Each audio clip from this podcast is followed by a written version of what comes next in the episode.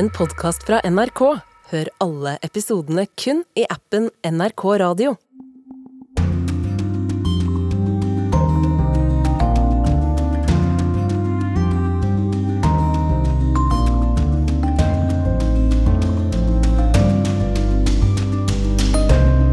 Vi har nettopp heist flagget og sunget sanger her i Norge. Det gjøres også i resten av Europa. Er det farlig, eller er det bra? Det er en enkel og varm og nostalgisk løgn, er det en nederlandsk forfatter som har kalt det. Vi får en grundig drøfting av nasjonalisme, men også mye om Ukraina. Spesielt sterkt er det å se og høre telefonmøtet mellom Macron og Ukrainas president Zelenskyj Følg med videre her i Urix, så får du bl.a.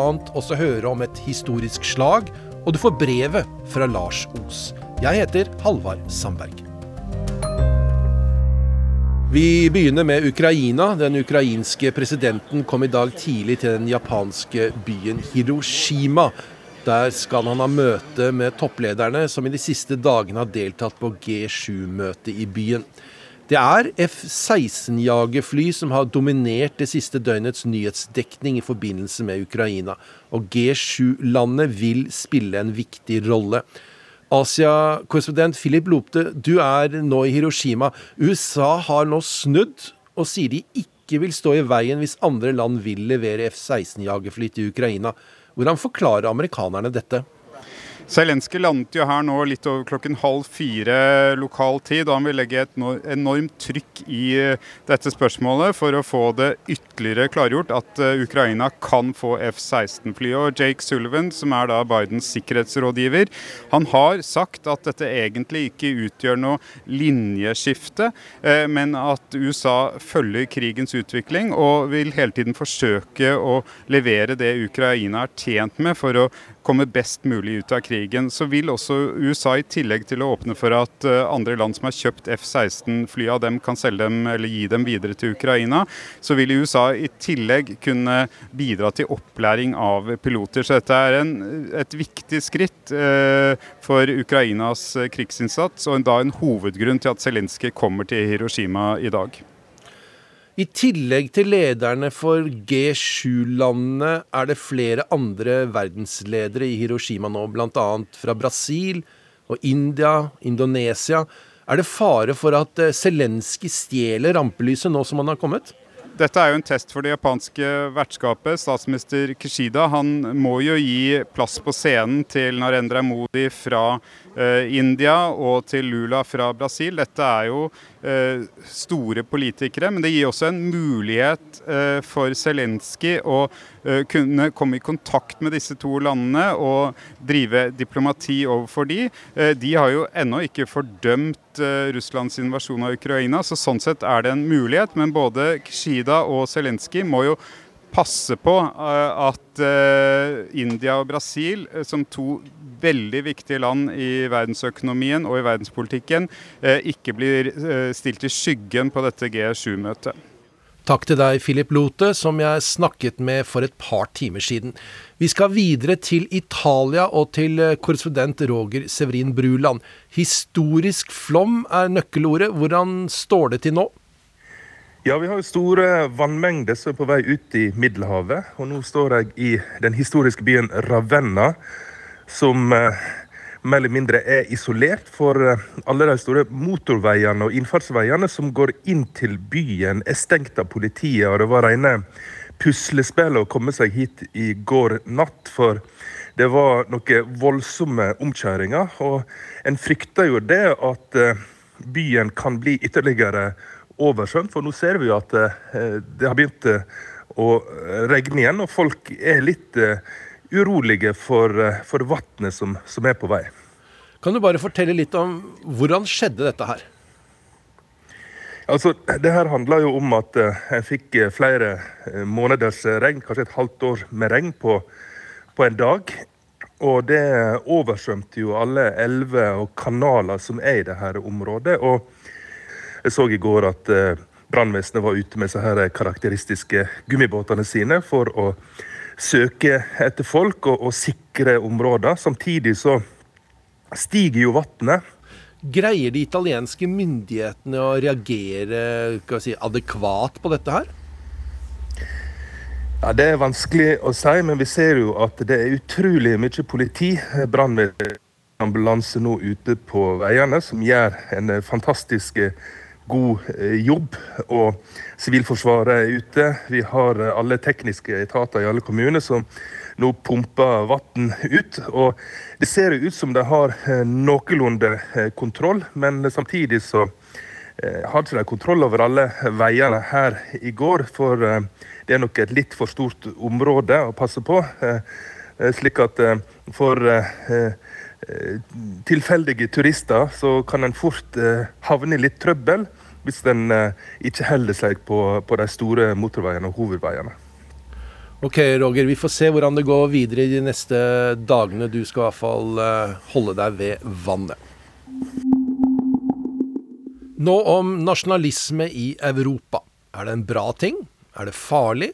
Vi skal se litt på forskjellige deler av den, og vi begynner i Ukraina, der nasjonalismen mildt sagt er i kraftig vekst. Det melder kollega Jan Espen Kruse, som nå er i Kiev.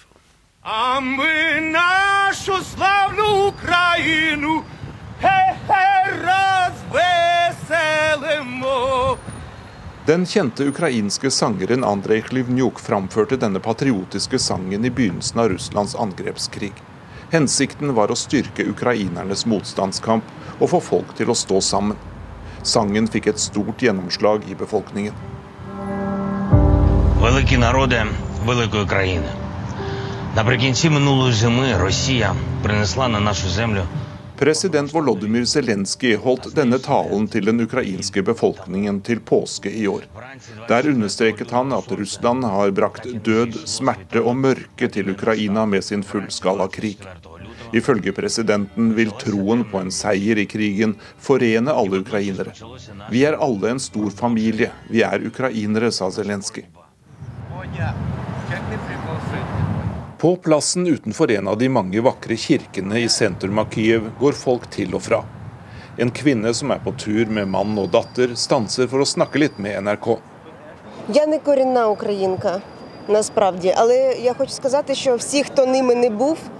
Jeg er ikke født i Ukraina, sier kvinnen på ukrainsk. Hun vil bare oppgi fornavnet sitt, Irina. Men hun mener at nå har alle blitt ukrainere. De fleste har også blitt litt mer nasjonalistiske, og påpeker at Ukraina har blitt mer forent enn noen ganger før pga. krigen. På gata i Kyiv har en mann satt opp en salgsbod. Han tilbyr et stort utvalg av vysjivankaer, eller tradisjonelle broderte skjorter som er en del av den ukrainske nasjonaldrakten. Kristianstvo, Ось робота вже пішла сам хрестик у роботі задіяний, стиль вишивки хрестиком. Skjortene er brodert med korssting til minne om kristningen av landet, sier mannen. Han er svært stolt av det han selger, og viser til at hver region har sitt spesielle mønster. I forgårs var det Vysjyvankaens dag, og hovedstaden var full av folk som hadde den på. Наша национальная одежда подтверждает и объединяет нас. Vårt nasjonale klesplagg forener oss og gir oss en bekreftelse på hvem vi er, sier Lilia til NRK. Hun mener at Vysjyvankaen symboliserer enhet og seier som ukrainerne streber etter. Lilia sier det er vanskelig å sette ord på alle disse følelsene, men hun understreker at troen på seier i krigen gir henne kraft og styrke. На мне вышиванка моего отца. Он в этой вышиванке женился в 1955 году. Denne skjorta brukte min far da han giftet seg i 1955, sier Igor Kosmienko. Han understreker at dette plagget er hellig for han. Han legger til at Vysjyvankaen er et symbol for alt Ukraina nå står for midt i krigen for sin frihet. Og mye tyder på at Russlands brutale angrepskrig har ført til et sterkt samhold i en befolkning som tidligere var nokså splittet. For noen måneder siden ble dette opptaket gjort av den ukrainske nasjonalsangen, mens folk hadde søkt tilflukt fra bomber og raketter på metroen i hovedstaden.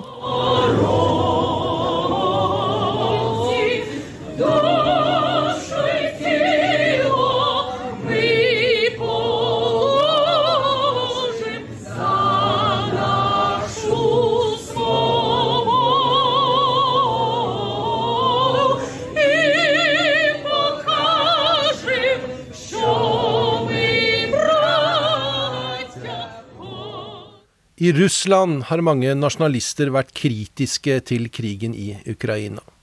De mener det går for sakte, og har bl.a. etterlyst full mobilisering. I denne ukens podkast har kollega Marit Kolberg sett nærmere på, det, på de som kaller seg Russlands sinte patrioter.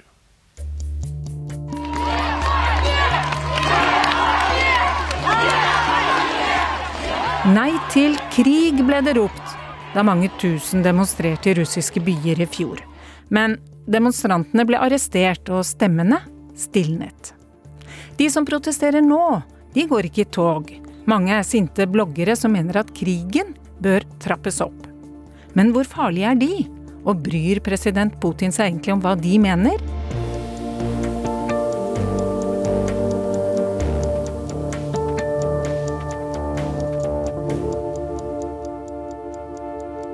За победу! Ура!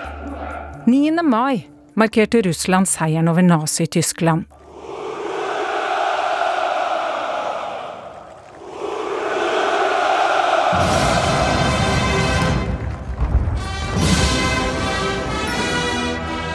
Men den tradisjonelle marsjen der russere bærer bilder av sine slektninger som mistet livet i annen verdenskrig, var avlyst. En av grunnene til det kan ha vært at myndighetene fryktet at folk ville vise fram nyere bilder, bilder av soldater som har dødd i Ukraina, og man ville unngå at paraden skulle ende opp som en slags protest. En av de som har protestert, er Igor Girkin, som her sier at han vil opprette en klubb for sinte patrioter. Han har tidligere kalt generalene idioter som ikke vet hva de driver med, og han har virkelig slått på capslocken når han skriver om det militære på Telegram. Hello, can you hear me? Yes, how's London? Jeg tar kontakt med historiker og statsviter Mark Galliotti for å vite mer om Girkin og hans meningsfeller. Galliotti har skrevet flere bøker om Russland, og har sikkerhetspolitikk med Russland som spesialfelt. Og så leder han konsulentfirmaet Mayak Intelligence. Og han kjenner godt til Igor Girkin, eller Igor Strelkov, som han også er kjent som. Particularly, he likes to play the role of a czarist, you know, white Russian military officer, and he has this affected sense about the importance of the of the honor and duty and discipline of the military class, and he particularly sees the kind of corruption and amateurism that we currently see, and I think it kind of offends him on that level. So he's a, a very bitter critic of the war, but also quite a militarily astute one, if, if one follows his Telegram channel. Не побоюсь этого сказать, что мы движемся к военному поражению. Girkin er altså frustrert over det han kaller korrupte amatører som leder krigen, og det er han ikke alene om. For mens et ukjent antall russere er mot krigen, så er det også de som mener at russerne skulle slått hardere til med full mobilisering, for eksempel. For dem har Girkin grunnlagt Angry Patriots Club, en klubb som skal være et samlingspunkt for russiske nasjonalister. The Club of Angry Patriots is just one particular movement within the wider Turbo Patriot body. And these are people, again, who are, you know, of extreme nationalist persuasion. In some cases, they're still supportive of the war as it's being fought. But even then, they tend to be pushing the Kremlin to go harder and further you know, these are people who are suggesting that there should be attempts to kill Zelensky, to launch similar attacks on the, the presidential administration buildings in Kiev, and just generally to escalate the, the tempo of attack. So basically, these are all people who are, frankly, pretty rabid nationalists. И нам очень важно создать образ врага, который э, Dette er Pavel Gubarev. Han er en ukrainskfødt prorussisk politiker og en av de sinte patriotene. I dette opptaket fra i fjor høst sier han at han vil drepe millioner av ukrainere.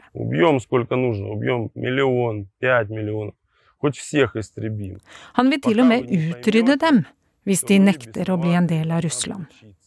This is a man who feels that Moscow led him and his people on, encouraged them to rise up against Kiev with promises of support, and then provided just enough support to keep the conflict going, but not enough support to allow them to create any kind of meaningful working states. So again, this is a man who feels personally betrayed by Putin and the Kremlin and is, is not shy about expressing that. Da har jeg lyst til å høre litt mer om Gobarev, Gubarev, og da kontakter jeg deg, kollega Gro Holm, korrespondenten vår i Moskva. Gubarev sier altså at han vil utrydde ukrainere hvis det trengs. Hvor ekstreme er eh, disse patriotene? Ja, Blant patriotene så er Gubarev ganske ekstrem. Og han har jo eh, tidligere tilhørt eh, en gruppering som kalte seg Russisk nasjonal enhet, og som var eh, De var nærmest nynazistiske. Og ville hive ut egentlig alle andre folkeslag som ikke var russiske. Og han har jo ikke Han har jo på en måte moderert seg, men det kan jo hende han står for en del av de samme holdningene fortsatt. Ikke minst når han tar til orde ord for å utrydde alle ukrainere som ikke er enig med dem i at eh, eh, Donbas bør være eh, rent russisk. Og en del av de andre vi snakker om i denne sammenhengen her, er jo militærbloggere. Folk som driver sine egne nettsteder og, og uttaler seg kritisk. Hva kan du fortelle oss om dem? Ja, Militærbloggerne eh, mener jo generelt at eh, Putin er for forsiktig. At man burde innføre militær unntakstilstand. Eh, mobilisere alt man kan av eh, stridsdyktige russiske menn til å få avgjort krigen i Ukraina en gang for alle. Og Veldig mange av dem mener at man egentlig burde kalle det en krig, for de mener det er det det er. Eh, og de er har en tendens til å ikke kritisere Putin kanskje selv så direkte. Det er mer at de angriper forsvarsministeren og forsvarssjefen.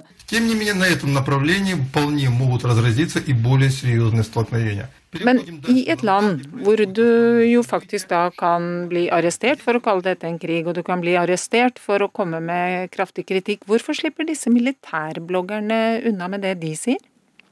Jeg tror det er fordi at eh, Putin trenger dem. Altså, De er på en måte de er en del av hans maktbase. Han er redd for å skyve dem fra seg. Eh, de er jo veldig patriotiske, veldig nasjonalistiske. Eh, og, og støtter jo absolutt hans ideologiske prosjekt, eller ideologisk og militærprosjekt, nemlig å ta mest mulig Ukraina og gjøre det til en del av Russland. Han lar eh, de militærbloggerne få kritisere forsvarsledelsen, og forsvarsledelsen uttaler seg jo ikke De går jo ikke i polemikk offentlig mot militærbloggere som vil ta livet av den. Nei, de er tause og gjør sitt. Men, men jeg tror Putin har nytte av at fordi han også kanskje er enig i noe av den kritikken som kommer da mot sin egen militære ledelse. Og han er en person som Hans styrestil, kan man si, å balansere mellom grupper som har ulike interesser, og så står han i midten og setter dem opp mot hverandre tidvis. Eh, og holder ja, styrer via frykt, kan man si. Men er disse nå da den eneste opposisjonen som kommer til orde i Russland? Altså, de er definitivt de mest høylytte, øh, og de man hører mest til. Men så finnes de jo på YouTube, for YouTube er fortsatt tillatt. Og der finnes jo opposisjonen, til og med Navalnyjs støttespillere publiserer jo jevnlig på, på, YouTube. Så der kan man gå inn og høre eh, alternative synspunkter. Altså krigsmotstandere uttale seg og diskutere i timevis med hverandre. Men, eh, men det hører man veldig liten til da i andre steder i russisk offentlighet. Det er jo bare på YouTube det foregår. Og jeg tror mange vil være redde for å gå inn rett og slett og høre på det. Og, og skru på lyd, full lyd med folk som er kritiske til krigen. Så, så det er eh, militærbloggerne man vet om, og det er de som eh, refereres til også i, på TV-sendinger f.eks. Вот это вот парни ЧВК «Вагнер», которые погибли сегодня. Еще кровь свежая. En vi har sett på TV, er han her. Jevgenij Prigozjin leder Wagner-gruppen. Это чьи-то, отцы и чьи-то сыновья. И те, которые не дают нам боеприпасы, будут в аду жрать их потроха, Her står han rasende og brøler og etterlyser mer ammunisjon til soldatene sine i Bakhmut. Banningen er så kraftig at nyhetsbyrået Reuters har sensurert den. Prigozjin har brølt mange ganger underveis i krigen, og jeg tror ikke han kommer til å bli fjernet. Det tror jeg ikke Putin har råd til. Eh, den russiske offensiven rundt Bakhmut har vart i mange mange måneder, og Eh, den ville ikke ha vært såpass vellykket som den har vært, tross alt, om det ikke hadde vært for Wagner-gruppen og Prigozjin. Så selv om Prigozjin eh, har tatt til orde for å fjerne hele forsvarsledelsen, og nå mange tror at det er Putin han sikter når han sier at det sitter en lykkelig bestefar eh, og, og, ser på det hele mens eh, våre gutter eh, lider og får, ikke får eh, ammunisjon. Vil han at vi skal liksom gå nedenom og hjem? Det er tonen i en beskjed han sendte ut. Eh, jeg tror det var på frigjøringsdagen 9. mai, så, så, så tror jeg ikke Putin kommer til å fjerne han. Han er rett og slett han har vært for viktig, og han har stått for mye i denne krigen som veldig mange russiske soldater beundrer. You or I would regard them as, as deeply unpleasant and dangerous people. De er farlige, sier Mark Galliotti om disse høylytte patriotene, men så ombestemmer han seg litt. I wouldn't say they're dangerous. I mean, clearly, we would not likely to see, you know, want to see these people come to power because they would actually, in some ways, be even more hawkish than Putin. They are perversely something to welcome because what they do is they actually they undermine the Putin regime. But these are not people who who can turn against Putin and bring him down. They don't have anything like that kind of power. The point is, what they might do is find that in a crisis, they are actually not willing to go out on the streets to back Putin. Men de sinte patriotene er uansett i gang med å organisere seg, for nå har Igor Girkin innkalt til samling i juni. For det første så, så åpnes det for å danne regionale organisasjoner av sinterpatrioter. Det begynner å minne om en organisasjon. Eh, og så skal de da møtes til eh, seiersting, eh, som de kaller det, i juni. Eh, vi vet ikke hva dagsordenen kommer til å bli, men det kommer helt sikkert til å bli den videre eh, militære strategien. Eh, og så kommer det da sikkert en felles uttalelse derfra etterpå som vil være veldig kritisk mot landets militære ledelse. key thing is really that the turbo patriots are in many ways Putin's children. And in that respect, they're a metaphor for wider processes within the whole Putin regime. That Putin promised so much and he built up expectations which he has then in so many different ways failed to live up to that he can hardly be surprised that there are now people who are feeling angry and betrayed.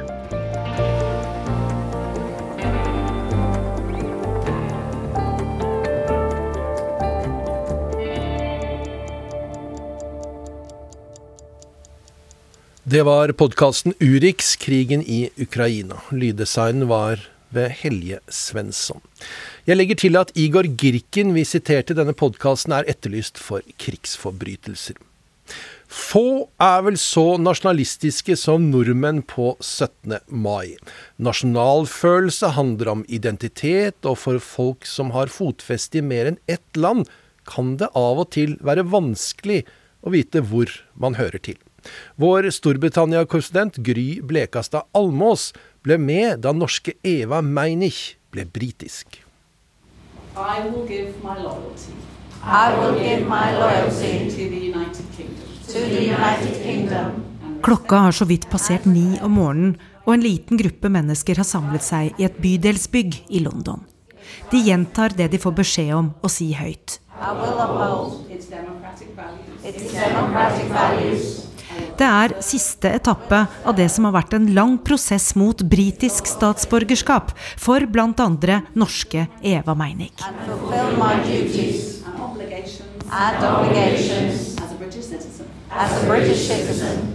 For jeg gjør det for å stemme nå, for nå har vi vært gjennom så mye de siste årene her i England at nå har jeg virkelig lyst til å stemme. Og så gjør jeg det for barnas skyld, så de òg kan bli britiske. Hennes historie er så mange andres. Hun kom til London som student, fant kjærligheten, fikk barn, og vips, så har det gått et kvart århundre. Det var aldri aktuelt for Meinick å si fra seg sitt norske statsborgerskap, men da Norge for få år siden åpnet for at nordmenn kan ha flere statsborgerskap, begynte hun å tenke på å søke om også å bli britisk. Men det var ingen enkel avgjørelse. Det er noe med at det vekker noen følelser som er eh, litt vanskelig å beskrive eller å sette ord på. Så jeg føler meg jo britisk føler meg ikke britisk, jeg føler meg veldig norsk. Hele tiden. Alltid. Men når jeg er i Norge, så sier jeg at jeg skal hjem. Og når jeg er her i England og skal til Norge, så sier jeg også at jeg skal hjem. Så av og til så er det dager jeg føler at jeg ligger litt og dupper ut i Nordsjøen et sted og er litt delt i to, rett og slett. Og det er litt sårt noen ganger, eller trist noen ganger. Fordi man man har glemt noe av språk, norske språket, og så har man glemt noe av det. Og noen ganger så klarer jeg ikke å uttrykke meg på engelsk. Og så blir det til at man føler seg verken eller. Ja, og det er vel kanskje det som er verst. Når man er hjemme er man fremmed, også noen dager er man fremmed her òg. Og da blir man litt eh, lost. Og som om det ikke allerede var følelsesmessig vanskelig nok, så ble Eva Meinik innkalt til statsborgerskapsseremonien på selveste 17. mai. Og det britiske systemet krever til alt overmål at søkerne sverger troskap til kong Charles. Charles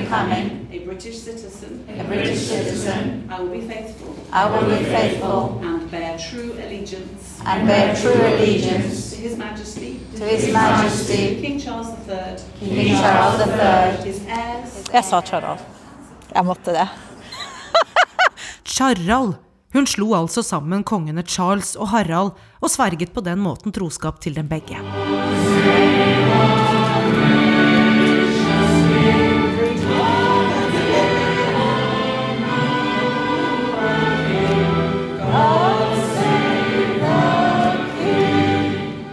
Og så står hun der som brite med beviset i hånda. As a British citizen. Ikke sant? From the date of this. Eva Meinik, født av da, Bærum, Oslo, eller Norge. 17. mai 2023.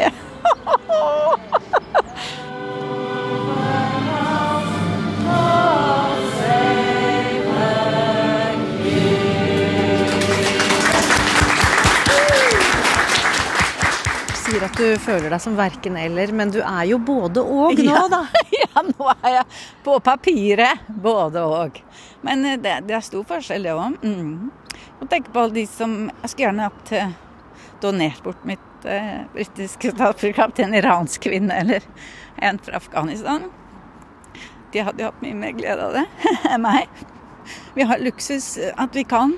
En av hennes like ferske medborgere kommer ut fra seremonien, også han med sitt britiske statsborgerskap under armen. Tesfaye Fikado kom fra Eritrea til Storbritannia for åtte år siden. How, how does this feel? Very, very nice. I'm very, very nice feeling, yeah. Why, why did you want to become a British citizen? Because I, I needed that British one, because I, I need freedom for everything. I'm from Africa. Too much is problem because of that, yeah. Han omfavner enkelt sin nye identitet. I'm happy. Yeah. Thank you, my darling.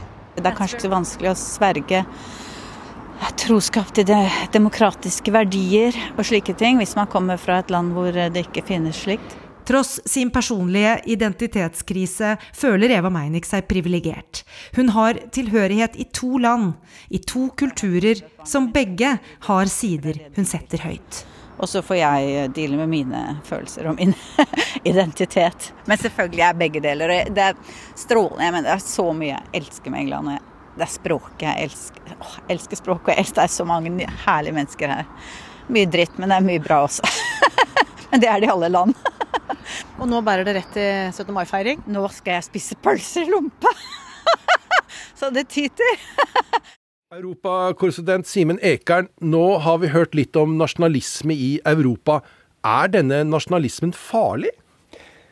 Aggressiv nasjonalisme er jo farlig, det er jo livsfarlig. Og om det var noen som hadde glemt det i Europa, så har jo det blitt tydelig med den eh, aggressive russiske nasjonalismen. Eh, åpenbart det finnes en kraft i den nasjonalismen, særlig når den da brukes til å vekke til live eh, gamle eh, myter om eh, storhet og om behov for eh, å ekspandere eller legge under seg andre andre land som, som åpenbart er, er farlige. Ja.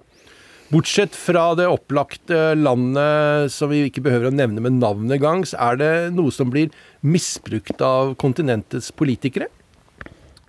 Det blir iallfall eh, brukt for det det er verdt i, i, veldig eh, mange land. Vi ser det kanskje aller tydeligst i eh, Ungarn, der eh, Viktor Urban bruker nasjonalismen og en fortelling om det ungarske folkets storhet til å gjøre endringer i landet som er autoritære. Og det er jo det som ofte kan være det skumle med nasjonalisme. Da, at man kan tenke seg at uh, demokratiet f.eks.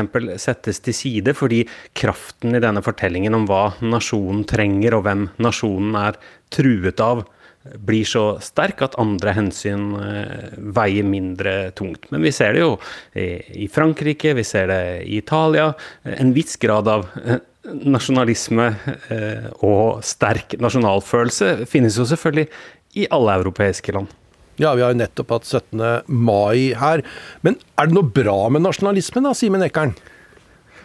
Ja, det er klart det er det. Og vi nordmenn er jo verdensmestere i mye, og kanskje særlig i å eh, insistere på at vår nasjonalisme er en, en snill og grei eh, og velfungerende eh, nasjonalisme som, som ikke utestenger noen andre, eller som ikke plager andre. Og det er det jo mye eh, sant i. Det er klart at Nasjonalismen er jo også eh, en forutsetning for at mange land eh, fungerer. Den er en forutsetning for at folk jobber sammen, og at de samarbeider, og at de betaler skatt og, forholder seg til andre innenfor et område som ikke er altfor stort. Så det er jo argumentet for nasjonalstaten og nasjonalismen, at den har fungert bra i mange tilfeller i, i europeiske land, og, og, og, gjør at det er en eh, enhet som, som fungerer. Da. da blir dette samholdet som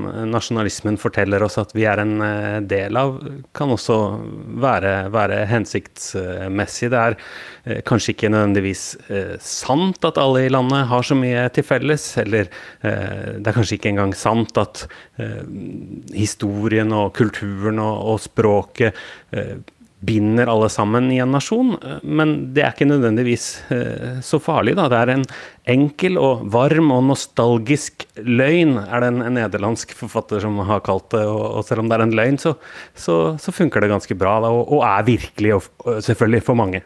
Finnes det en slags europeisk nasjonalisme? En slags overnasjonal nasjonalisme?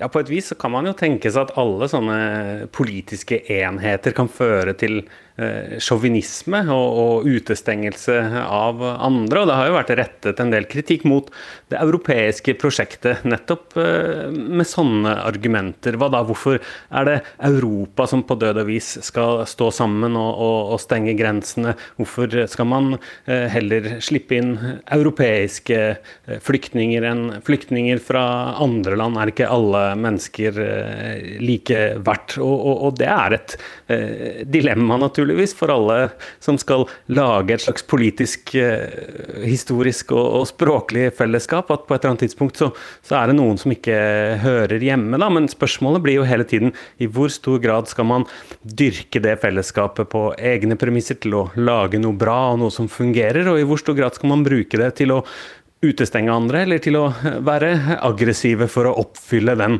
politiske enhetens eh, store ambisjoner. Og det er jo et dilemma som vel aldri har blitt løst på, eh, på skikkelig vis. Men vi ser jo i Europa nå at eh, det at nasjonene, til tross for at de har så mange forskjellige interesser, likevel i krisetider klarer tilsynelatende iallfall å, å, å stå sammen. F.eks. hvis det er eh, krig eller, eller krise. Det, eh, det, sier jo også noe om at nasjonen ikke er den eneste enheten eh, som, eh, som teller når de store utfordringene kommer. Og det sa europakorrespondent Simen Ekern i en samtale jeg hadde med han i går. Nå forlater vi nasjonalismen nesten, og over til nasjonsbygging, kanskje, og i hvert fall krigshistorie. Har du hørt om slaget ved Baturen? Selv mange av dere historisk interesserte lyttere kommer kanskje til kort her. Men hendelsen i Ukraina på begynnelsen av 1700-tallet skulle komme til å få stor betydning for det som skjedde videre i Øst-Europa. I dag pågår det en kamp om historien parallelt med krigen mellom Russland og Ukraina, der hendelsene nettopp i Baturin også spiller en viktig rolle. Kollega Morten Jentoft har besøkt denne festningsbyen i Tsjernihiv nord i Ukraina og laget denne reportasjen. 2008. We can see rebuild defensive rampart, defensive wall, um, towers, entrance gates, also the hetman's house, the hetman's Det er en fuktig januarmorgen i Baturin, en liten by med et par tusen innbyggere nord i Ukraina, rundt 100 km fra grensen mot Russland. Marina Harmak viser NRK rundt på det vakkert restaurerte festningsområdet i byen, som ligger på en høyde overfor elven Seim, som igjen er en sideelv til den store Njeperfloden. Det er ikke vanskelig å si at her er det brukt mye krefter og penger på å sette festningen tilbake slik den var den gangen den var hovedbasen til hetman Ivan Masepa, en legendarisk men også omstridt person i ukrainsk og russisk historie.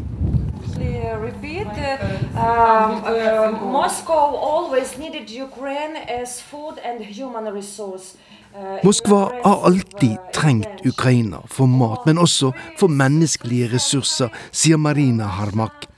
Hun mener at historien dessverre gjentar seg mer enn 300 år etter at russiske soldater nedkjempet de ukrainske forsvarerne her i Baturin, og gjennomførte det ukrainske myndigheter mener var en ren massakre på både kvinner og mer enn 500 barn.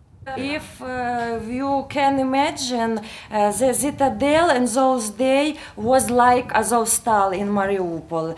Uh, the peaceful uh, resident uh, saving uh, under strong uh. Baturin i 1708 kan sammenlignes med det som skjedde i Mariupol i 2022, mener Marina Harmak, og viser til de ukrainske soldatene som sammen med en gruppe større sivile holdt ut inne på det store industriområdet Azovstal før de måtte overgi seg i mai 2022.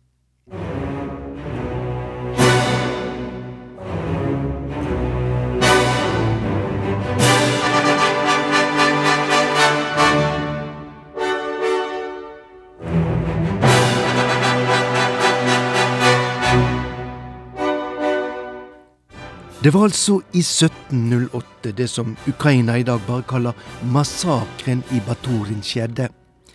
Dette var urolige tider, der Russlands unge hersker Peter den store slåss mot den aggressive svenskekongen Karl 12. om kontroll over områdene fra Østersjøen nedover til Svartehavet. Russland hadde da i mer enn 50 år styrket sin kontroll over det landskapet vi i dag kjenner som Ukraina, annet gjennom allianser med de lokale kosakkhøvdingene, hetmennene. En av de mektigste av disse var Ivan Masepa, som hadde sin hovedbase nettopp i Baturin. Han er også utgangspunktet for en opera av Peter Tsjavkovskij som heter nettopp Masepa. Ivan Masepa valgte å skifte side og i stedet støtte svenskekongen Karl 12., noe som naturlig nok gjorde tsar Peter rasende. Han ga ordre om å ødelegge Baturin, og ingen av de mer enn 10 000 innbyggerne ble spart. Det hele ble en menneskeslakt uten sidestykke.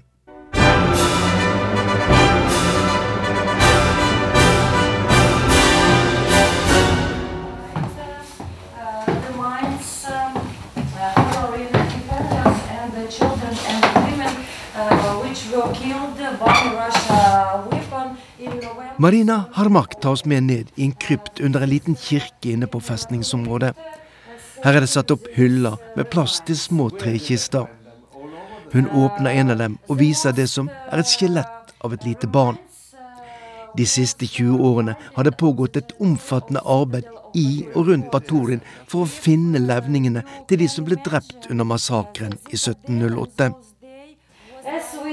Noticed today, Russia uh, do some uh, the, some uh, the similar uh, because uh, we Her er det skjeletter av barn fra 3 opp til 14 år, forteller Marina Harmak, som legger til at det som skjedde den gangen, gjentar seg i dag. Mer enn 500 barn har mistet livet som en følge av det russiske storangrepet på Ukraina, som startet 24.2.2022.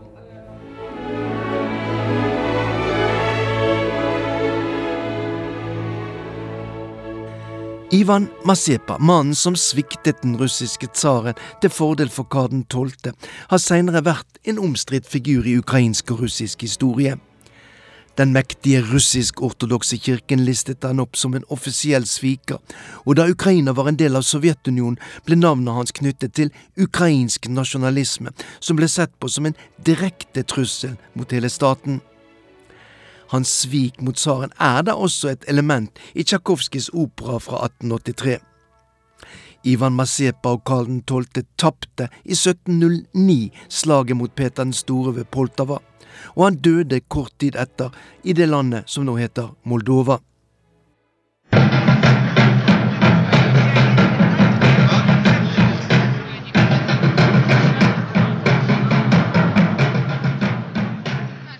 Etter Sovjetunionens fall og Ukrainas gjenfødelse som egen nasjon er Ivan Masepa løftet fram som en av dem som forsøkte å slåss mot Moskvas makt.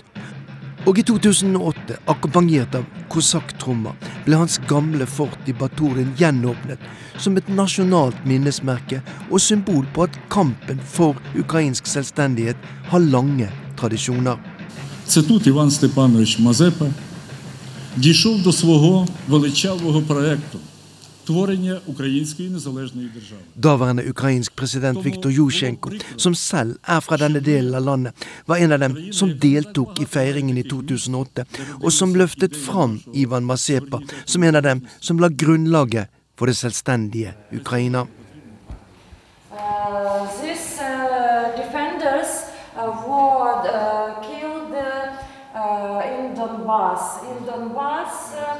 i kapellet over krypten med skjelettene fra massakren i 1708 viser Marina Hamarkos bilder av unge menn som var dødd i kampen for Ukrainas selvstendighet etter det russiske angrepet i 2022.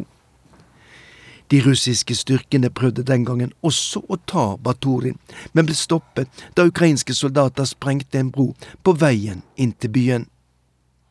Nå holder folk her pusten for at det ikke kommer et nytt angrep slik det altså har gjort før i denne urolige delen av Europa.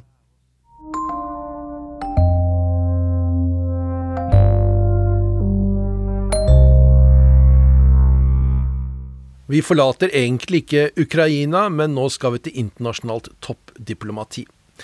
En av dem som kom tettest på det politiske spillet mellom verdens toppledere i dagene før og etter Russlands fullskalaangrep på Ukraina, var filmskaperen Guy Lajac.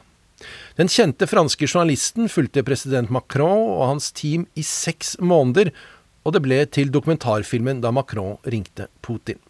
Selv er filmskaperen overrasket over hvordan ledere snakker sammen. I filmen 'Da Macron ringte Putin' får vi være med inn i den franske presidentens innerste rom. Som da han forsøkte å overbevise Vladimir Putin om å komme til et toppmøte med Joe Biden for å roe ned situasjonen i Øst-Ukraina før krigen i 2022.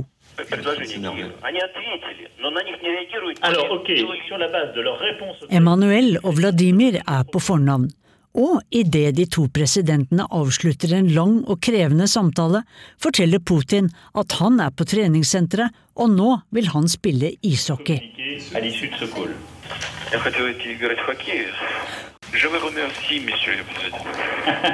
Å høre hvordan de to lederne snakker sammen, gir oss et sjeldent innblikk i diplomatiet blant verdensledere. Det er den kjente journalisten og TV-personligheten Gyla Gash som fikk være flue på veggen. You know, I've always wondered what, it, what it's like to be uh... Jeg har alltid lurt på hvordan politikk blir til, og hvordan diplomatiet fungerer, sier franske Lagache, som jeg treffer i en pause på mediedagene i Bergen.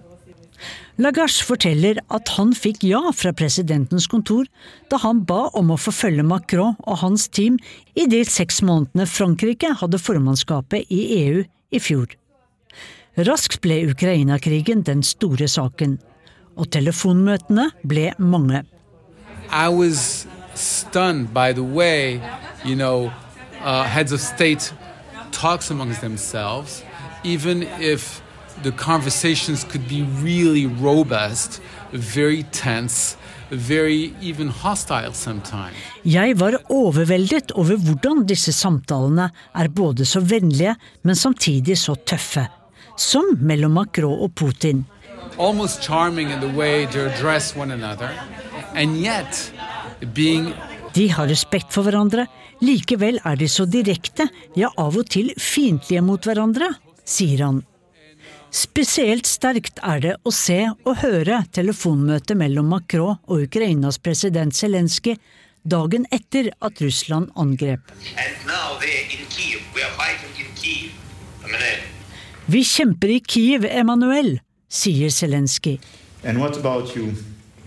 Are you in security yourself? I think so.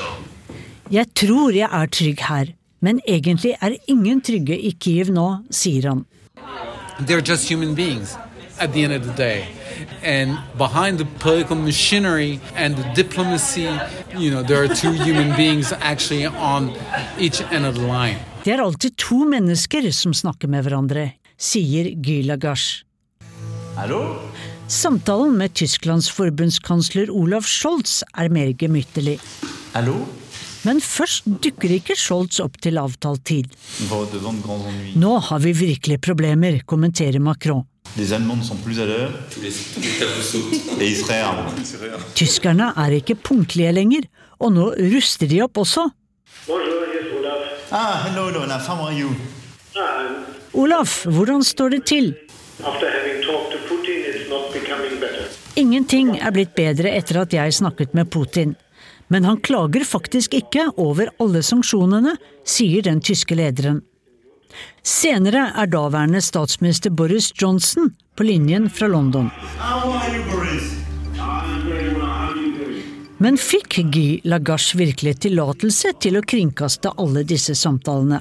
Did you have to ask their permission? Were these leaders aware of my filming and recording? This you would have to ask the Elysee Palace. Om de andre lederne visste at jeg filmet? Det må du spørre Élysée-palasset om. Men det eneste som har klaget, er Kreml. The Russians were not happy with the film because Russlands utenriksminister Sergej Lavrov var ikke fornøyd med filmen. Han var svært kritisk til at samtaler som skulle være hemmelige, ble lekket. I etterkant har den oppsiktsvekkende dokumentaren skapt debatt om Macrons diplomati før krigen. I Frankrike mente de fleste at Macron gjorde det rette ved å forsøke å hindre krigen med diplomati. Men i USA og Storbritannia var reaksjonene mer kritiske. Der mente man at president Macron var naiv, som trodde at han kunne snakke Putin fra å gå til krig, ettersom etterretningen fra både USA og Storbritannia nettopp viste at en krig var på gang. Ja, om det var noe tvil, så var det Sissel Wold som var reporter. Og filmen da Macron ringte Putin, kan du se i NRK TV-spilleren. Du får den spilleren ved å søke NRK og TV som to ord.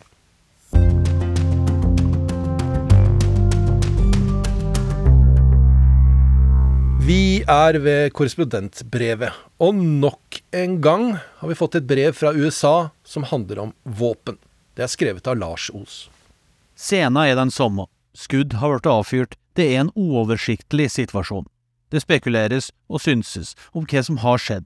For nesten daglig blir det rapportert om ei eller annen skytehendelse i USA. Så langt i år er det registrert 227 masseskjøtinger. Og masseskjøtingene som får mest oppmerksomhet, det er skoleskjøtinger. For da rydder mediene plass i alle flater og sender ut journalistene og fotografene sine. Midt under Fox News-reporter Alisha Akundas direkterapport ifra ei skoleskjøting i Denver i mars, fikk hun øye på sønnen sin. Beklager, men jeg har ikke sett sønnen min etter skjøtinga, sier hun. Akundas avbryter rapporteringa og gir han en stor klem. Med lettelse i stemmen forsikrer hun programlederne i studio at han er godt behold, mens hun fortsetter å fortelle om hendelser. Hun er derimot ikke for seg sjøl om å tenke det verste under ei skoleskjøting. I de siste fem årene har antall skoleskjøtinger i USA skøttet til værs, bokstavelig talt. Ofte er det snakk om enkelthendelser.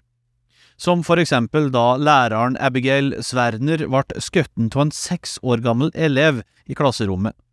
Hun ble truffet i handa og brystet, men klarte allikevel å evakuere de andre ungene ut, før seksåringen ble anholdt av politiet. Andre gang er det en såkalt aktiv skytter som skaper kaos, fordi ingen har oversikt og panikken sprer seg. Siden jeg kom til USA i 2017 har nettsida K12 School Shooting Database registrert 997 hendelser der unger og ungdom har blitt skutt eller drept på ei skole. Og nå i mai er det ett år siden den nest verste skolemassakren i USAs historie.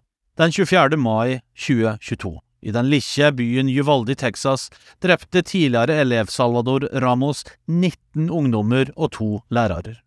Saken fikk òg enorm oppmerksomhet fordi politiet brukte over én time på å finne og skjøte gjerningspersonen. Den dag i dag vet vi ikke helt hva som skjedde på skolen.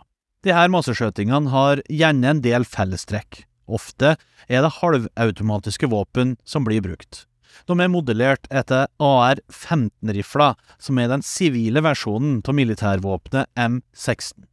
Den eneste forskjellen er at AR-15 ikke er helautomatisk, men det gjør den ikke mindre dødelig, tvert imot. Ofte hører vi òg fra republikanerne og konservative at de tenker og ber for ofrene, sender såkalte thoughts and prayers. Ifra venstresida kommer kritikken umiddelbart mot de manglende lovene som de mener ville kunne forhindre slike skjøtinger. 4% av verdens befolkning bor i USA. Samtidig eier amerikanerne rundt 40% av alle våpen på kloden. Per 100 amerikaner eksisterer det over 120 våpen. Jeg kommer fra ei bygd der mange er jegere. Tidlig i tenårene ble jeg DFS-skytter, som er en av Norges største idretter. I tillegg tok jeg jegerprøver på ungdomsskolen og var ute i skogen allerede som 15-åring for å jakte elg. Da jeg begynte rekruttperioden min i Bardufoss som 19-åring, var jeg allerede godt kjent med skjøtevåpen. Og så fikk jeg oppleve krig, og hvordan mennesker ble revet i fillebiter i Afghanistan fire år senere. Men våpenkulturen her i USA er milevis ifra den vi har i Norge. Etter fem dager med rapportering fra Puerto Rico, der orkanen Maria høsten 2017 raserte øya, så var jeg på vei hjem igjen til Washington DC. Men da jeg våkna på hotellet og skrudde på CNN den siste dagen, lyste den dystre overskrifta ifra skjermen over 50 drept på konsert i Las Vegas. Jeg rakk aldri å tenke mer over det før billetten ble bytta og jeg satt på flyet mot gamblernes hovedstad. Fire personer flere enn tragedien Orlando året før ble drept da en 52 år gammel mann la seg til rette i 32. etasje av Mandalay Bay-hotellet og skjøt mot Route 91 Harvest-festivalen. Byen var i komplett sjokk de neste dagene. Og spørsmålet som alltid kommer opp i etterkant, Hvorfor er det så mange våpen i USA? For noen handler det om det andre grunnlovstillegget, retten til å bære våpen. Andre mener at å eie et våpen gir dem en form for trygghet, både ute på gata eller i hjemmet. Og så har du mange, som meg, som synes det er artig å reise på skjøtebanen for å skjøte på blink, eller å dra på jakt i skauen. Etter den høgst dramatiske tida etter drapet på George Floyd i 2020 blussa demonstrasjoner opp rundt om i landet. I Kenosha, Wisconsin, demonstrerte innbyggerne etter at Jacob Blake ble skutt av politiet. Blant dem var da 17 år gamle Kyle Rittenhouse.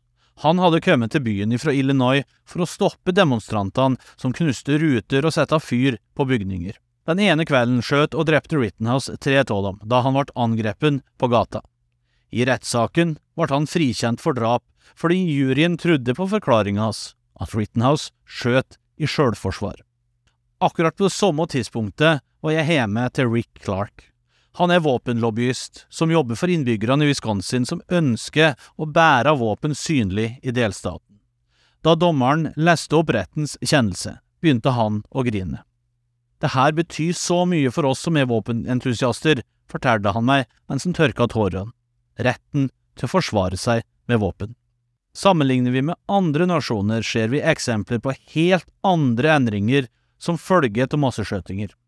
I Norge ble det betydelig vanskeligere å skaffe seg halvautomatiske våpen etter Utøya-tragedien. I England etter Dunblane-massakren i 1996 ble håndvåpen i praksis forbudt å eie, Og samme år i Australia ble 35 personer drept på Tasmania, og myndighetene stramma inn lovene. Over 650 000 våpen ble levert inn og destruert, mens landet etablerte et våpenregister. Og nå sist i Serbia har nesten 13 000 våpen blitt levert inn på oppfordring ifra myndighetene etter to grusomme masseskjøtinger. I USA derimot er det her helt utenkelig. Mange amerikanere sier de ikke stoler på myndighetene, og hvis en lovlydig borger leverer inn våpenet sitt, vil de da kunne stole på at kriminelle gjør det samme? Landet er allerede splitta på så mange felt, og våpendebatten her er den samme den har vært i så mange år. Da kollega Tove Bjørgaas og jeg reiste for å møte overlevende etter Parkland-massakren i 2018, sto flere av ungdommene på barrikadene for å innføre strenge våpenlover. Nå, fem år og flere tusen drepte senere, har nesten ingenting skjedd. I noen delstater har det til og med blitt enklere å skaffe seg våpen. Jeg skal på skøytebane når jeg kommer hjem til Norge. For å vise myndighetene at jeg er skikka til det, så må jeg bevise at ferdighetene mine ikke er en fare for dyrene som må møte med livet. Men før jeg reiser til sportsbutikken, så er jeg nødt til å finne fram våpenkortet mitt, som viser at jeg besitter på et skjøtevåpen av kaliber 6,5 millimeter. Det gjør at jeg kan kjøpe ammunisjon. For de fleste amerikanerne er enig at det trengs strengere våpenlover. Såkalte universelle bakgrunnssjekker er noe nesten 80% av amerikanerne ønsker, ifølge en spørreundersøkelse fra Fox News. Og rundt 60% vil òg ha et forbud mot halvautomatiske angrepsvåpen som AR-15. Våpenvolden i USA kommer ikke til å stoppe verken meg eller andre nordmenn i å besøke landet vi så mange er så glad til. Men noe må gjøres når det i 2023 har vært flere masseskjøtinger enn dager. Det sa vår korrespondent Lars Os fra USA. Urix er over for denne gang. Teknisk ansvarlig Bobo Bjørnskjold. Produsent Ulf Tannes Fjell. Og i studio Halvard Sandberg.